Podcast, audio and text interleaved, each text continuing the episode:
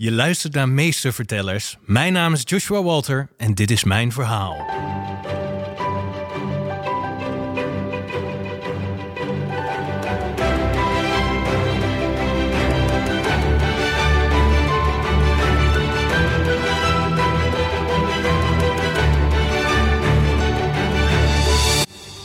Hartelijk welkom bij Meestervertellers, de podcast die helemaal in het teken staat van verhalen en storytelling.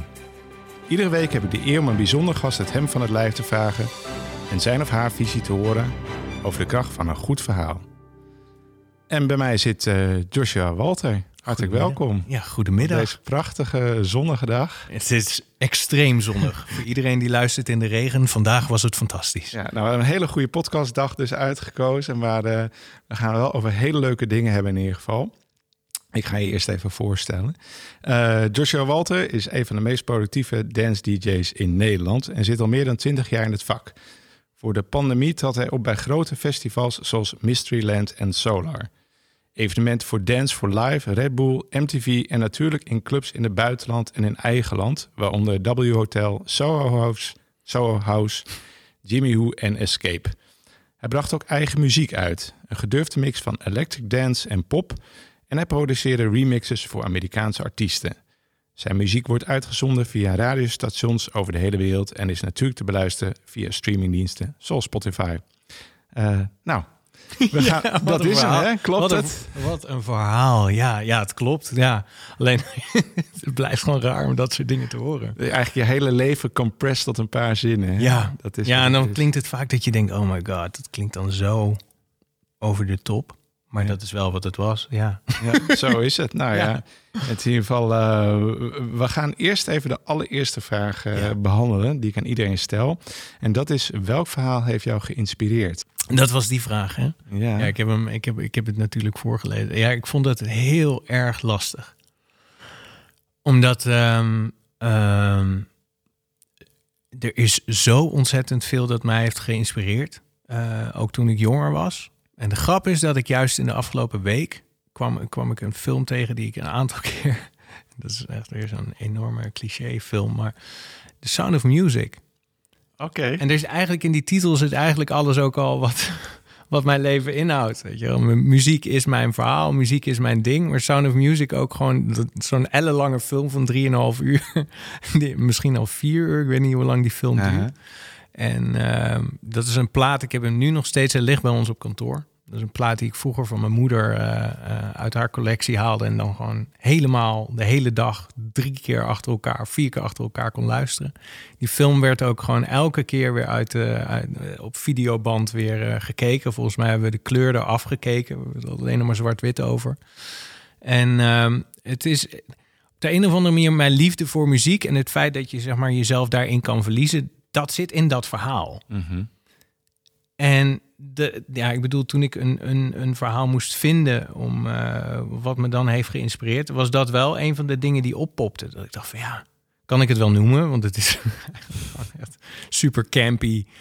Ja, ja, ik wil het niet fout noemen, maar het is wel, het heeft echt een heel hoog oh my god mm-hmm. gehalte toen dacht ik, ja, stiekem is het dat ook weer weer wel. Nou ja, er is geen goed of fout in deze nee. podcast. Maar uh, het gaat om inderdaad, wat, wat is misschien is daardoor het vonkje gaan branden om uiteindelijk DJ te Zou gaan kunnen. worden. Ja. Nou ja, kijk, de hele platencollectie van mijn moeder was eigenlijk uh, aanleiding om, om DJ te worden. En sowieso, het, het, uh, of het nou Michael Jackson was of Earth, Wind and Fire, maar ook Barbara Streisand en, en Sound of Music zaten ertussen. Dus het ging eigenlijk alle kanten op. Ja. De Bee Gees en noem het allemaal maar op. Dus dat, dat, ja, de platencollectie van mijn moeder was eigenlijk het verhaal dat de aanleiding is geweest. En dan is dit daar een hoofdstuk uit. ja, te gek.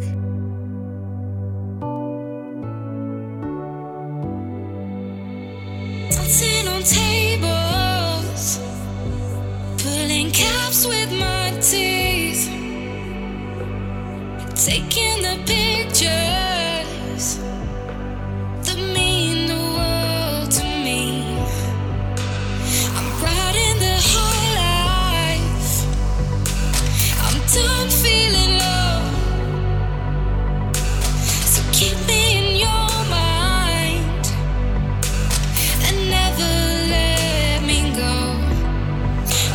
get lost in the night like I'm lost in my life. The hurt and the pain is drunk out of my mind. I was a child.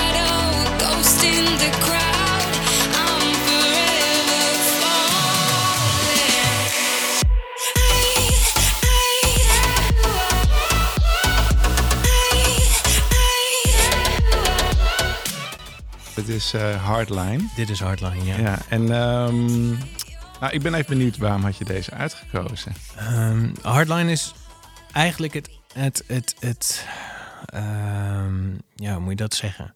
soort van het hoogtepunt geweest van mijn eh, muziekcarrière, als dat ik mijn eigen muziek uitbracht, maar ook meteen het eindpunt. Ehm, omdat ik eh, hierna eigenlijk zo gedesillusioneerd was over het uitbrengen van mijn eigen muziek. En de enorme strijd die je erin moet gooien om je muziek gehoord te krijgen. Dat ik daarna merkte van oké, wauw. Ehm, ik heb zoveel liefde voor het vak. Ik heb er zoveel hart en ziel in zitten. En eh, ik, vind, ik vind dat heartbreaking op het moment dat het dan niet de dingen doet die je graag zou... Hè, dat het niet de mensen bereikt die je graag zou willen bereiken. En dat ik erachter kwam dat ik het maken, voor, het maken van muziek voor anderen... dat ik dat eigenlijk net zo leuk vond... als dat ik muziek voor mezelf maken vond. Dus voor mij zat veel meer de liefde in het creatieproces Oh, ja, ja. dan per se in het feit dat ik een muziekartiest zou willen zijn. En eh, het, het maken van Hardline was voor mij echt, dat is een journey geweest van drie jaar. Ik heb daarvoor heb ik ook allerlei muziek uitgebracht, maar dit is een project dat begon tijdens ADE in, ik weet niet meer, 2015 of 16, misschien wel ietsje later. Dat ik daar een briljante zangeres ontmoette. En dat wij zo'n klik hadden met elkaar. En meteen zoiets hadden van: oké, wij moeten met elkaar de studio in. Dat is Hero Baldwin, de zangeres eh, op deze plaat. En eh, ik ben toen met haar, ben ik eh, de eerst in, in, zij is toen naar Nederland gekomen, hebben we hier geschreven. Zij komt uit Engeland, ze komt uit Londen. Zij is eerst hier teruggekomen naar, eh, naar Nederland een week nadat we elkaar ontmoet hadden. Toen zijn we de studio ingedoken. Toen zijn de, ja, de outlines voor dit nummer zijn toen al eh, een soort van op papier gezet. En toen ben ik daarna nog eh, twee keer naar Londen geweest om het daar af te maken. Ehm, en uiteindelijk heb ik toen een, een videoclip hiervoor in Los Angeles opgenomen. En het is, weet je, het was een, een soort, een, nog een ander. We hebben drie nummers gemaakt. Eén heb ik dus, de- daarvoor heb ik de clip in LA gen- opgenomen. De andere heb ik de clip in New York voor opgenomen. En die andere hier gewoon in Nederland. Ja. En dat was zo'n mooie journey om die EP bij elkaar te krijgen, de videoclips te maken, met enorm mooi talent samen te mogen werken. En toen dit uiteindelijk uitkwam, was ik er super trots op. Daar hebben we ook echt een heel leuk feest omheen gegeven. En het heeft ook van allerlei mooie dingen mogen doen. Weet je, het is in, in Japan uitgekomen en daar getekend. En eh, daar heb ik nog een, eh, een, een, een promotour mogen doen. Dus dat had ik in mijn wildste dromen eigenlijk niet durven eh, eh, eh, denken dat dat zou kunnen gebeuren. Ja. Alleen het brak mijn hart. Ook achteraf. Omdat het. Je had er meer van verwacht. Ik had er eh, meer op gehoopt. Ehm, ja, dat, dat bleek achteraf bleek dat gewoon heel lastig te zijn. Dus toen heb ik op een gegeven moment gezegd van nou, toen, toen was mijn hart heartbroken. Dus hardline. eh, Hardline was heartbroken. eh, Hardline was heartbroken. Toen dacht ik, oké, dit wil ik niet meer zo meemaken. En toen ben ik eigenlijk achteraf ben ik dus voor anderen gaan produceren. Oké. En dat voelde eigenlijk net zo tof. En dat was voor mij best wel een mooie eye-opener. Omdat ik zoiets van, hey, Ja. Nee, want ik had eigenlijk nooit zo bij stilgestaan. Maar dat je, eh, ja, als DJ ben je... Althans, dat heb ik altijd in mijn hoofd. En DJ draait platen van anderen. hè, Mhm. bestaande muziek. Ja. Eh, maar je hebt DJ's die natuurlijk eigen muziek hebben. En inderdaad, dus ook nog eens DJ's die muziek voor anderen eh, Ja. maken of Ja. produceren. Ja, het vak is best wel ingewikkeld. Toen ik, toen ik begon, was het inderdaad alleen het draaien van andermans muziek. Mhm. Ehm, en toen werd het daarna, toen had je een aantal DJ's. En dat, dat ja, toen ik in 2000, whatever, eind 99, 2000 begon. Je had wel een aantal DJ's die produceerden. Mhm. Maar dat was een hele dunne spoeling. Mhm. En natuurlijk had je dan wel de, de, de Ferry Korstens en de Armin van Buren en de Chesto's. Maar die, ja, die zaten al in zo'n specifieke muzieklijn. Hè, dat, dat, dat was alleen maar muziek voor de liefhebber, voor de ja. En later werd DJ in één keer een algemeen ding. Weet je, het werd eh, populair, het werd leuk om DJ te zijn. Terwijl in het begin was dat helemaal niet zo. Dat waren alleen maar de muzieknerds. Weet je, de grootste DJ's waren gewoon echt complete nerds. Daar kon je eigenlijk ook helemaal geen gesprek mee voeren. het waren heel, ja, hele rare mannetjes die gewoon heel veel liefde hadden voor muziek en een hele grote Ja, in een zolderkamertje zaten Ja. achter een computer en dan een Ja. beetje... eh, Ja, of, of, of daar dan, weet je wel, kratten vol muziek naar de club brachten. En daar dan, ja, eigenlijk is dan een DJ-booth was niks anders dan een vertaalde zolderkamer. Hè, waar, waar, waar andere mensen keken hoe jij aan het werk was. Maar ja, je staat in een soort vissenkom. En dan waren ze daar aan Het de was letterlijk een vissenkom, Ja. ja. wat je daarvoor had. Ja, ja. Ja, echt. Dus het was, weet je, het was een nerdberoep. Je moest er enorm veel tijd in steken. Er was niks shinies aan. Eh, de, eerste, de eerste gigs eh ik ook echt gewoon met enorm koffers vol. Ik draaide dan wel meteen cd's, maar koffers vol cd's. Koffers vol. En dan op een gegeven moment kwamen er ook nog... eh Pioneer bracht van die, van die eh, cd's uit. Dus dat waren dan de eerste cd-spelers waarmee je echt het gevoel van een plaat kon nadoen. Eh, dus ja, Oh, die ja. wou ik hebben. Die heb ik toen gekocht. Maar ja, die stonden nergens. Dus die moest je overal mee naartoe nemen. Dus dan zat je op de fiets met één koffers en die dingen om je nek. En dan, nou, verre van glamorous. Dat, ja, daar zou je niet mee op Instagram eh, gezien willen worden. Ehm, eh, en later is natuurlijk DJ gewoon ontzettend populair geworden. En Ja. dat, dat is gekomen door DJ's zoals Chesto en dat soort zaken. Die dus platen brachten die de mainstream oppikten. En die op de normale radio kwamen. Maar daarmee kwam ook de verwachting dat jij als DJ, als jij een bepaalde groei wilde doormaken, dat je dus zelf muziek ging uitbrengen. En, en mag, ja, waar- waarom is dat dan eigenlijk? Waar- wat is die groei? Omdat als je dan alleen maar muziek van een ander draait, dan Ja. sta je een soort van stil. Dus Nou, dat niet zozeer, maar eh, op het moment dat jij dus dan je eigen muziek zou uitbrengen en dat wordt dan of in een niche of het wordt in, in de mainstream wordt het een hit, dan vermenigvuldigt dat jouw verkoopwaarde voor festivals. Mm. Ja, dat ook Weet je- natuurlijk. Ja, Ja, weet je wel, dus dan... dan Je kan letterlijk de naam gebruiken. Ja, inderdaad. Van dit is iemand die Ja. ook eh, bekend is van die muziek. Van die hit, ja. En die hit trekt bezoekers aan. En die bezoekers zijn revenue. Dus ja, dat, dat wordt op een gegeven moment een soort spel. Weet je wel, hoe meer nummer één hits je gehad hebt, hoe hoger je op de ranking van zo'n festival. Weet je, de, dus je hebt die festivalposters. En als mensen zich afvragen waarom staan die mensen met zulke grote koeienletters bovenaan de line-up, dat is één, heeft te maken met hoe duur ze zijn. En Hoe duurder- waarvoor je de, voor dat festival betaalt. Ja, je- ja. je Ja, hoe duurder, je, hoe duurder de DJ was, hoe groter zijn naam op de, op de, op de poster staat. En eh, alle mindere goden die staan dus in hele kleine lettertjes onderaan. En het, het, het verschil wat die mensen betaald krijgen voor een optreden is immens. Daar kun Mhm. je echt, dat, dat kun je je bijna niet voorstellen. Ehm, maar zij hebben waarschijnlijk ook de grootste following. En die following kwam waarschijnlijk uit het feit dat ze zelf muziek hebben uitgebracht. En dat het is opgepikt door de, door de mainstream. Dus kijk naar de Chesters, kijk naar de Armin van Buren, kijk naar de, eh, de Hardwells en de, de Martin Garrixen. Weet je wel, dat, dat is wat op een gegeven moment veranderd is. Twintig jaar geleden was een heel andere soort tijd. Maar hoe ben jij er dan eh, in beland? was sowieso al een enorme muziekliefhebber. Dus ik zat elk weekend zat ik met mijn cassettebandje voor de radio om de top 40 op te nemen. Of de programma's die ik dan leuk vond. Eh Ferry Maat Soul Show was er een van Mhm. eh, op Radio Veronica. Ehm, en een ander programma wat ik ontdekte was van Ben Liebrand in de mix. Dat was ook op Radio Veronica. Mhm, Dat ken ik, volgens ja. mij op dezelfde dag ook nog eens. Ehm, en hij mixte die nummers door elkaar.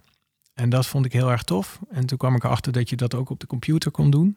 Dus toen ben ik dat na gaan doen. Letterlijk. De eerste zoveel mixen die ik heb gemaakt zijn letterlijk gewoon Ben Liebrand kopieën. en die stuurde ik dan op. Ehm, eh, ook naar Ben Liebrand, maar ook naar Ferry Maat. Dan stuurde je een cassettebandje Nee, dan stuurde je een mp3'tje Eh, op. MP3, ja, ja, zo van, Dus- hey, dit heb ik gemaakt. Dan kun je er naar ja, luisteren. dat- die hadden we toen al, ja, natuurlijk. Ja, Ja, dat duurde wel even hoor. Als je een, als je een eh, mp3'tje naar iemand opstuurde, was het sowieso een 128 kbps bestand. Dus dat, Ja. dat, ja, dat klinkt nog slechter dan een slecht telefoongesprek. En, of een slechte Zoom-call tegenwoordig. en en eh, eh, ja, dan de- de- duurde het uploaden duurde twee dagen. En het antwoord duurde zes weken. Want dat moest natuurlijk eh, weer teruggestuurd worden. Maar dan hoopte je dat iemand daarnaar luisterde en dan antwoord gaf. En dan ondertussen stuurde ik het ook naar vrienden en bekenden op. En die vonden dat hartstikke leuk. Dus die vonden mijn vreubelwerkjes op de computer vonden ze fantastisch. Ik had dan een vriend van mij die zat bij eh, lokale radio en die draaide dat dan in zijn, in zijn programma. En vanuit dat punt ben ik toen, eh, dus in, eerst waren mixjes van twee, drie minuten. En toen weer het mixen van, eh, van een half uur en toen van een uur. En dan werden ze op de radio gedraaid of ik zette ze op online en dan Ja. werden ze opgepikt. En vanaf zo ben ik begonnen. Ja. En sterker nog, de eerste keer dat ik echt moest DJ'en, DJ'en. Ik had, een, ik had een boek gekregen voor mijn verjaardag van vrienden. Die wisten dat ik daarmee bezig was en die vonden dat har- hartstikke leuk. En het boek heette How to DJ. En daar stond dus alles in. Ehm, en dat was het, het enige wat ik had om mijn allereerste boeking dus ook mee te doen. Alles wat ik op pagina, weet ik veel, 20 tot en met 50 had gelezen, dat stond ik in de club na te doen. Dus oké, deze knop is daarvoor, deze schuif is daarvoor, dat knopje is daarvoor. En dan moest ik dus wat ik in het boekje had gelezen in praktijk brengen. Ja. Ik had op dat moment nog nooit, nog nooit achter DJ-equipment gestaan. Laat staan daar les in gehad. Oké, nou dat is nog eens een vuurdoop. Ja, ja, ja dat was, dat was een hele aparte.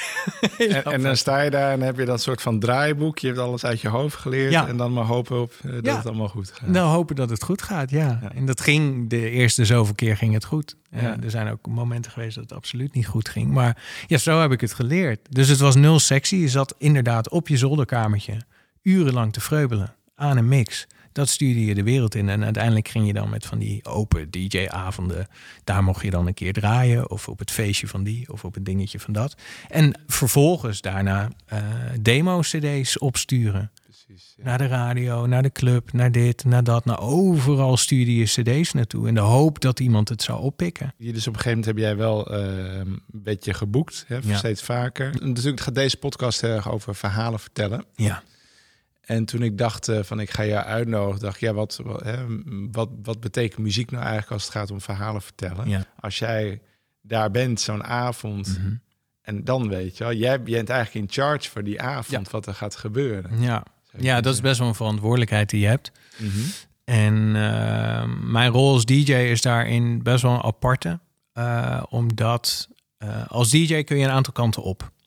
En dat is ook een beeld wat veel mensen hebben van DJ's. Is dat eh, je hebt een aantal DJ's die hebben gewoon een handtekening. En die bepalen eigenlijk met die handtekening wat de sfeer gaat worden van die avond. Ja. Want dat is waarvoor ze zijn ingevlogen. Dat is het feestje waarvoor je ze vraagt.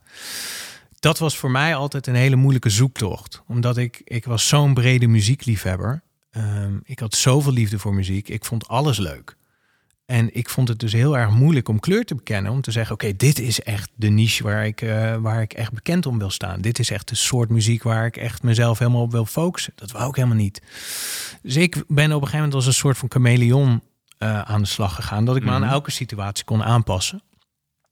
En dus eh, voor elke situatie een geschikt verhaal kon verzinnen. Ja. En of dat dan een strandfeest was in Bloemendaal met eh 40-jarigen die daar een verjaardagsfeest aan het vieren zijn. En dan moet je even dus terugtellen dat ik op dat moment eh 3, 24 was of zo. En echt, Mhm, eh, ja, net nu, ja, nu zijn we die leeftijd, nu kan ik me er wel een beetje meer in verplaatsen. Maar dat ik op dat moment echt zoiets van, ja, oh my god, het is een totaal andere mensen. Wat moet ik hiervoor doen? Aha. Eh, totdat je in de Jimmy Woo staat, waar natuurlijk gewoon, eh, ja, eh, het is een beetje highbrow publiek en eh, iedereen staat op de gastenlijst en is het cool voor school. En ja, daar moet natuurlijk een bepaalde credibility omheen zitten. En dat, dan, dan moet elk nummer wat je brengt moet een soort statement zijn. En voor mij is op een gegeven moment het spelletje geworden om voor elke situatie het juiste verhaal te gaan zoeken. En hoe bouw je dan zo'n avond op? Hoe trek je mensen mee in jouw vibe? Hoe trek je ze mee in de vibe van de avond? Hoe vertel je zeg maar de venue, dus de locatie waar je staat, de club, het hotel, Mhm. het feest, het festival? Hoe vertaal je dat door naar de emotie die je op dat moment wil brengen? Ehm, ja, en er zijn bepaalde keuzes die je daarvoor kan maken. Ehm, maar dat heeft te maken met hoe intens het nummer is wat je op dat moment draait. En of dat dan weer aansluit op het volgende nummer. En wat dan het volgende nummer, hoe lang je dat brengt. Want de lengte van een nummer heeft ook weer heel erg invloed op de energie die dat met de zaal brengt. Bijvoorbeeld, sommige nummers zijn alleen maar leuk voor de eerste 16 maten. En daarna zijn ze eigenlijk al klaar. Een goed voorbeeld daarvan is bijvoorbeeld Show Me Love and Sweet Dreams. Het zijn natuurlijk enorme crowdpleasers, maar dat zijn nummers die drop je, dus die gooi je erin. En dan de eerste 16 maten gaat iedereen uit zijn plaat, maar na 30 seconden is iedereen er alweer klaar mee, want iedereen wou alleen maar die intro van die plaat. daar zit geen verder hoogtepunt aan. Het is alleen dat, ja, het is alleen dat moment waar ze voor gaan. Maar er zijn ook platen die leven veel meer. Dus die hebben een veel langere adem, waar mensen dus echt eh, voor gaan op dat moment. Nou, en met die elementen kun je je avond bouwen en kun je je verhalen bouwen. En eh, soms is dat dus dat je het heel commercieel moet doen en dat je het eigenlijk alleen in de hitjes zoekt en dat je door die emotie van de hits eh, het publiek met je meekrijgt. Maar er zijn ook avonden. Dan probeer ik juist zo ver mogelijk weg te blijven van alles wat commercieel op de radio op dit moment is. Maar dan ga ik het zoeken in platen die een emotie en een gevoel hebben. En dan bouw je die avond op. Ja. Hè, dus je begint, je begint wat langzamer. Je begint met nummers die qua energielevel misschien op een. eh, nou, ik probeer altijd nummers een bepaald energielevel te geven. En dat gaat van, van 1 tot 10. En dan begin je op een 4. Je begint op een 5. Je bouwt het langzaam op. En dan masseer je het langzaam in. Dan laat je die nummers lekker hun werk doen. En op een gegeven moment dan voel je van... oké, mensen zijn er klaar voor. We gaan naar leveltje 6. En soms kan je in één keer van 6 naar 8. Of 6 naar, nou, 6 naar 9 is wel heel moeilijk. Maar hè, je, kan hem, eh, je kan af en toe echt spelen met dat ding. Maar het betekent ook dat je later op de avond... zul je ook af en toe weer even terug moeten Ja, schakelen. gas terug. Ja, dus even terug naar het verhaal. Dus dan, dan, eh, dan ben je dus aan het draaien. En dan, eh, je weet je doelgroep. Je weet ook ongeveer hoe die avond een beetje, hoe je dat gaat opbouwen. Ehm, Ja, nou ja, dat hoop je te weten. dat, dat hoop je dan misschien. Ja, je weet het nooit, want je, het is letterlijk, je komt de zaal binnen. Dan- je, je had het over energie. Dus je voelt eigenlijk Ja. aan van wat voor energie heerst hier. Wat voor, Ja. Je kijkt om je heen. Ja, je kijkt, je, ja, ik noem het echt, je gooit zeg maar je antennes uit en dan proef je, de, proef je de sfeer in de zaal en daar probeer je een verhaal van te maken. En dan kijk je wat de DJ is. Stel dat je binnenkomt en er is al een DJ bezig, dan kijk je wat daar gebeurt. Hè, hoe reageren mensen op die nummers? Daar probeer je dan op in te spelen. En als jij zelf degene bent die de sfeer moet maken, ja, dan moet je iets anders met je antennes omgaan. Maar het is wel intunen. Ja. Het is altijd intunen op die vibe. En dat klinkt super spiriwiri, maar dat is wel wat het is. Ja. En eh, ja, hoe ouder je wordt, hoe beter je daarin wordt. Nou ja, kijk, wat ehm, als ik denk naar het moment dat ik op de dansvloer stond, van tijd niet meer gebeurd. Maar goed, het begon ooit zeg maar in de hoogtijden van de IT. Hè? Dat Ja. is zeg maar toen ik uitging. Ja.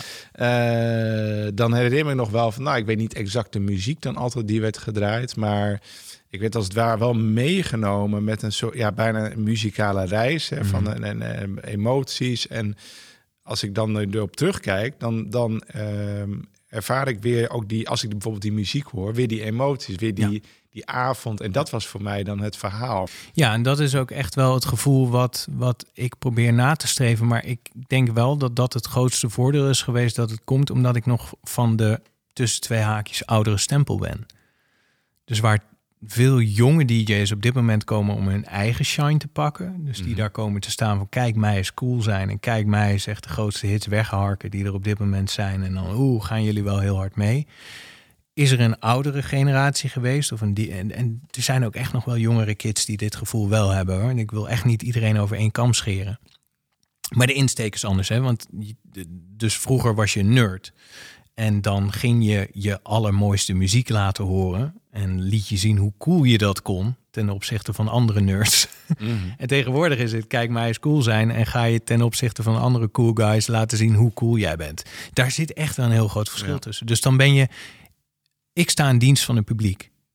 Dat is mijn grootste doel. En ook hetgene waar ik het meest voldoening uit haal. Want als zij blij zijn, dan ben ik ook blij. Mhm. Als zij die emotie op die plaat hebben waarvan ik dacht, holy shit, ik wist echt niet dat jullie deze zo cool vinden, wat leuk. Dat, als je dat mee kan vertalen, ja, dan, dan, dan zit ik gelukkig in de auto terug naar huis. Ja, te gek. Ja, Als dat niet gebeurd is, zeg maar, en ik zit daarna in de auto, dan voel ik me, dan voel ik me echt kut. Misschien even een bruggetje. Ja, eh, een DJ. Hè? Iedereen denkt van... eh, Oké, hoe is dat voor jou eh, geweest afgelopen tijd? Want in één keer werd jouw beroep, zeg maar, vorig jaar maart... Ja, Maart. volgens mij eh, in plotseling verboden. Ja, Op letterlijk. de zwarte lijst. Ja, mijn allerlaatste grote boeking was het boekenbal.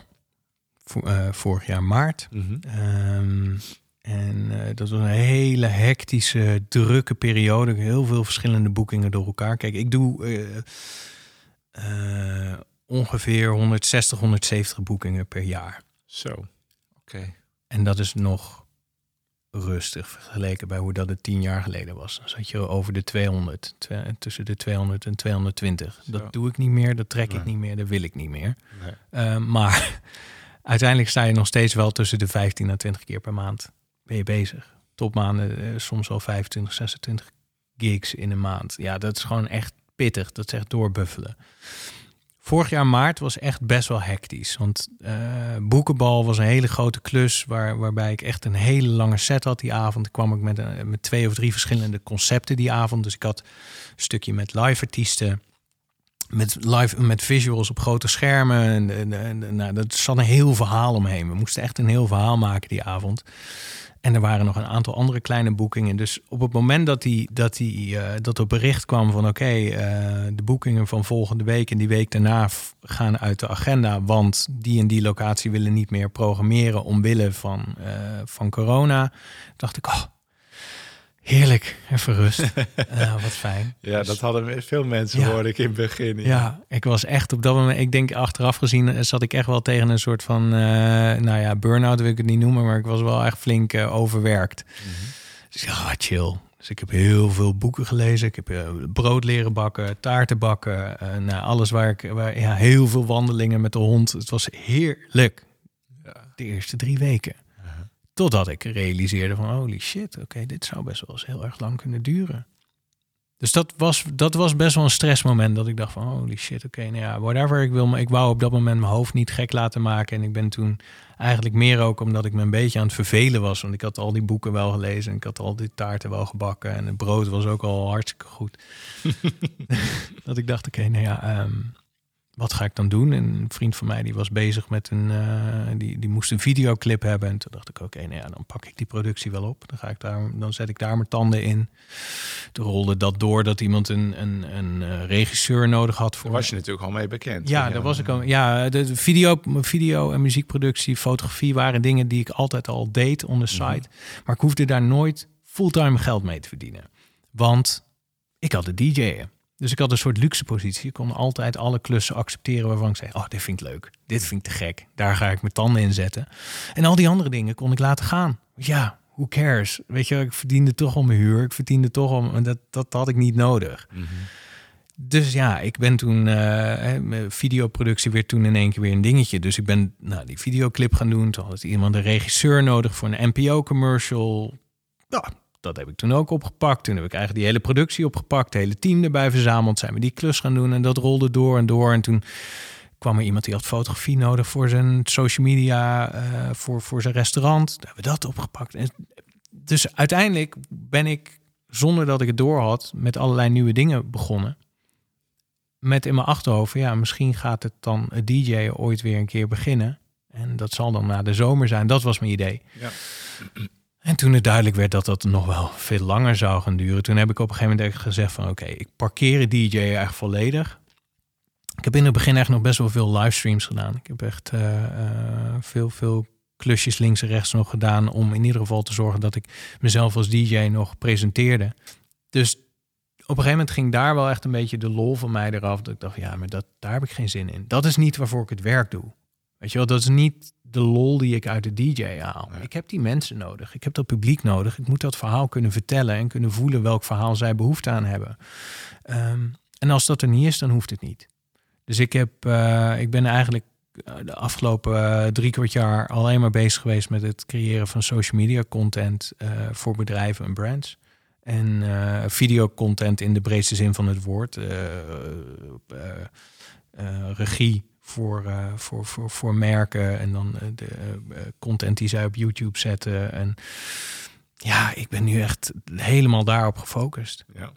Eerst dacht ik van, nou, je stapt er vrij makkelijk overheen. Hè, maar je hebt dus het feit dus dat al je werk eigenlijk weg- wegviel. Maar tegelijkertijd heb je dus misschien elke tijd gehad voor reflectie. En dan heb je eigenlijk heel snel toch gezegd van, ik ga vooruit. Ik ga gewoon nu iets anders doen. Ja, Eh, nou is dat... Maar was het voor jou niet een... Ik ben wel heel veel. Ik, kan wel daarin eh, zo zeggen. ehm, om tot die realisatie te komen, dat was niet makkelijk. Nee. Ik denk dat ik in. eh, want we, we hadden dan zeg maar maart, april, mei. Toen in juni, juli augustus hebben we nog iets kunnen doen, maar dat was echt minimaal. Ik denk dat ik, dat ik dan max één, twee boekingen had eh, per twee weken. Ehm, voor budgetten waar je echt van gaat huilen. Dus al je bankrekeningen komen zeg maar bij de bodem in de buurt. Want eh, op Ja. dat moment wa- was de overheidssteun ook gewoon nog helemaal niet daar waar het zou moeten zijn. Eh, er was helemaal geen uitzicht op van waar gaan we naartoe. Er was geen pad, er was geen, weet je, al je vrienden zitten in mineur. Want dat is wel je hele cirkel van creatieve mensen om je heen. Daar is de bodem weggeslagen. Dus elk, Ja, want je zit ook in een bepaald soort wereld natuurlijk, kan me voorstellen. Ja. Elk gesprek wat je hebt, elk gesprek gaat over dat. Het feit dat de wereld niet meer is zoals je wist dat die was. Ja. Ja, dat, dat motiveert niemand. Ehm, en ik was wel met die andere projecten bezig, maar ik voelde me bijna een beetje schuldig dat ik dus niet bezig was met rouwen over het feit dat ons werk niet meer was wat het was. Want ik was gewoon bezig met een soort bezigheidstherapie om er maar niet mee bezig te hoeven zijn. En toen ik dat gevoel eenmaal binnenliet, ja, daar, dat was heel heftig. Omdat ik echt het gevoel had dat ik. Nou, nou let, ik heb het wel eens vergeleken als met een, eh, met een voetballer die eh, tijdens een wedstrijd in één keer eh, zo hard tegen zijn benen aan wordt getrapt dat hij daarna nooit meer kan voetballen. Zo voelde het. Je, wel? je, je benen worden onder je vandaan getrapt. En ook al wil je wel revalideren, heeft iemand tegen je gezegd: Sorry, maar it's not gonna happen. Weet je wel, Ja. dat wat je hebt gedaan is voorbij en dat komt niet meer terug. Ja. Dat vond ik heel heftig, want je hebt niet zelf de keus gemaakt om het af te schalen of minder te maken. Ja, precies. Ja. Ehm, dus dat, was, dat, dat, dat heeft zeker wel eventjes geduurd. En daar heb ik ook wel echt even mijn, eh, mijn, mijn, mijn tranen omgelaten. En eh, ja, dat vond ik heel, heel intens. Maar aan de andere kant kon ik ook weer zo mijn ei kwijt in die andere projecten die ik aan het opstarten was. Dat het een beetje, ja, dat heeft de pijn verzacht. En dat heeft het ook op een gegeven moment wel gemaakt dat ik zoiets van, ja, maar ik ga hier niet in blijven hangen. Nee. Ik herken ook ze- zeker dingen die je vertelt in mijn werk. Je moet, Ja. eh, je moet, je, nou, je moet niks, maar het helpt wel om, eh ja, om ermee te dealen, zeg maar. Mijn, en mijn manier om ermee te dealen is ook om vooruit te kijken en nieuwe dingen. Ja, deze doen. podcast is, de, dit is voor Deze jou. is eh, de, letterlijk eh, ontstaan eh, in de coronatijd. Ja, Ja. Dus, en ja, gewoon gaan doen. En dat is super inspirerend natuurlijk, omdat je allerlei verhalen hoort. Ja, En weer allemaal inspirerende mensen ontmoet. Ja, nou, te gek. perfect. Ja, Ja. ja, en dat, dat is ook, kijk, weet je wat het is? Ik, ben, ik heb niet opnieuw het wiel uitgevonden. Ik heb, ik heb gekeken naar dingen die ik al deed en daarmee ben ik aan de slag gegaan. En dat is ook het, wat, wat, ik, wat ik andere mensen, zeg maar, nou ja, eh, leading through example vind ik altijd heel erg belangrijk. Ja. Dus laten zien hoe het anders kan is beter dan vertellen hoe het anders moet.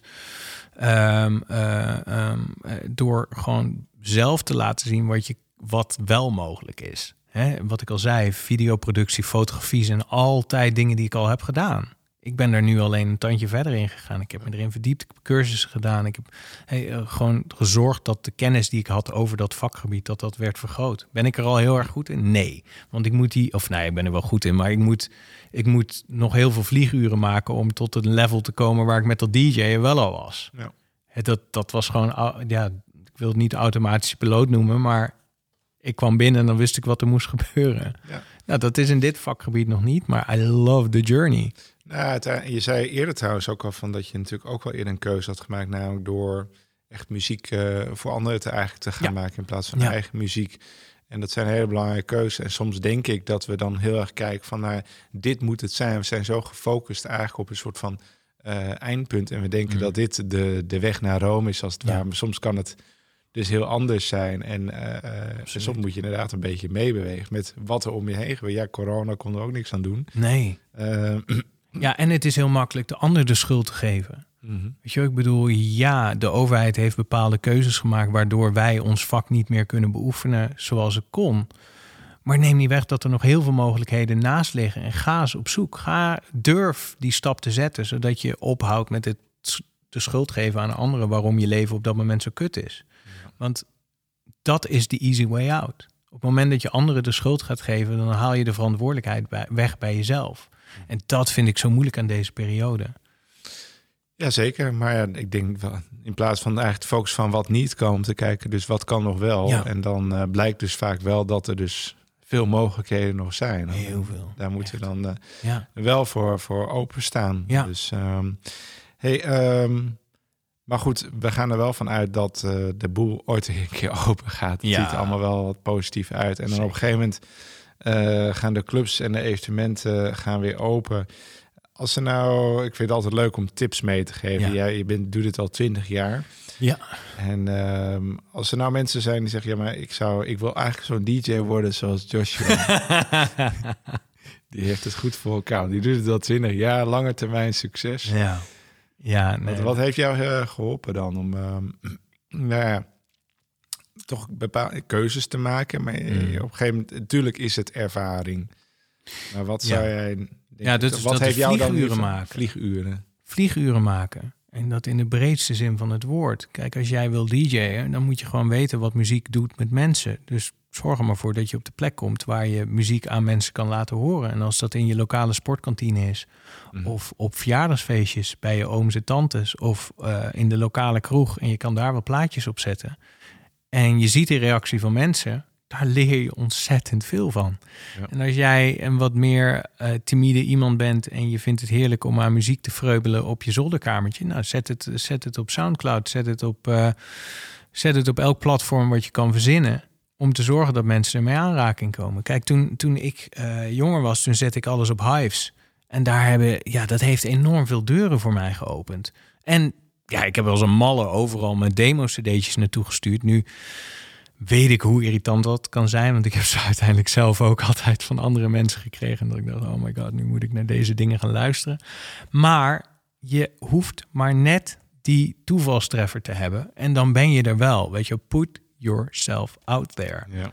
Ehm, laat het zien, laat het horen. Ehm, eh, leer van, van, van mensen die al heel erg lang in het vak zitten. Die vinden het ook vaak, de echte mensen die er echt heel veel hart voor hebben, vinden het ook helemaal niet erg om kennis te delen. Hè, dat is. Dat vind ik het mooie aan, aan, aan, aan ambachtslieden. Is dat mensen die net aan hun carrière starten of nog in het begin van hun carrière zitten, die zijn als de dood. Dat als ze informatie delen met anderen over hoe je het vak beter maakt of hoe je het werk beter doet, dat dat dan hun concurrentiepositie eh beïnvloedt. Kennis, Dus ja, dat ja. willen ze nooit. Maar mensen die al wat langer in het vak zitten, die veel meer rust hebben en veel meer, hè, die, die hebben al, die, ja, die hebben al hun, eh, hun ducks in a row, om het zo te zeggen. Die willen delen. Maak daar gebruik van. Weet je wel, spreek ze aan, eh, eh, vraag dingen. Ehm, en, en soms zeggen ze nee, en heel vaak zeggen ze juist wel de dingen die je wil horen. Go for it. Echt, ga er naartoe. Ehm, en dat helpt enorm. Ehm, en verder heel veel investeren. Tijd vooral. Eh, soms ook een beetje geld. En ook heel veel risico durven nemen. Dus ga ook gewoon, eh, ga ervoor. Ehm, Joshua, eh, ik denk dat als mensen meer van jouw werk willen horen, Ja. eh, dan kunnen ze natuurlijk naar Spotify. Ja, maar absoluut. eh, waar nog meer? Eh, dus al mijn muziek staat op Spotify en op YouTube. Ik vind persoonlijk YouTube leuker, omdat je dan de videoclips ziet die erbij horen. Ja. Daar zit natuurlijk allemaal een verhaal achter. En dat is heel- hartstikke mooi om te kijken. Dus ga vooral op zoek naar Joshua Walter op YouTube of op Spotify, whatever suits you. Ehm, Soundcloud kun je heel veel van mijn mixen vinden. Op Instagram kun je heel veel van mijn optredens eh, zien. Maar je kan ook veel van mijn fotografiewerk zien. Leuk. En ehm, dan ben je er wel. Ja, je kan naar mijn website. Maar goed, wie gaat er nu tegenwoordig nog naar Nee, een ik wil alleen maar luisteren. Nou, ik Ja. kijk in ieder geval heel erg naar uit als de boel weer open gaat om een keer op een feest te zijn doen. waar je eh, daar staat eh, te draaien. Ja, ja En, het eh, is waarschijnlijk... wij- Kijk, wij kijken hier vanuit de, de, de podcaststudio recht op de Ademtoren. Waarschijnlijk zal dat de, een van de eerste locaties zijn waar we dan weer samen mogen komen. gaan Dus we helemaal uit ons plaat. Nee, precies. Letterlijk een paar meter te lopen. Juist, en rollen naar huis. Nou, Joshua, heel erg hartelijk dank. Graag gedaan. En dan eh, ga ik afronden. Ontzettend bedankt voor het luisteren. Wil je meer weten over deze podcast? Check dan meestervertellers.nl. En mocht je zelf suggesties hebben voor een leuk onderwerp of insteek, laat het mij weten via de Facebookpagina of Instagram. Hopelijk tot volgende week.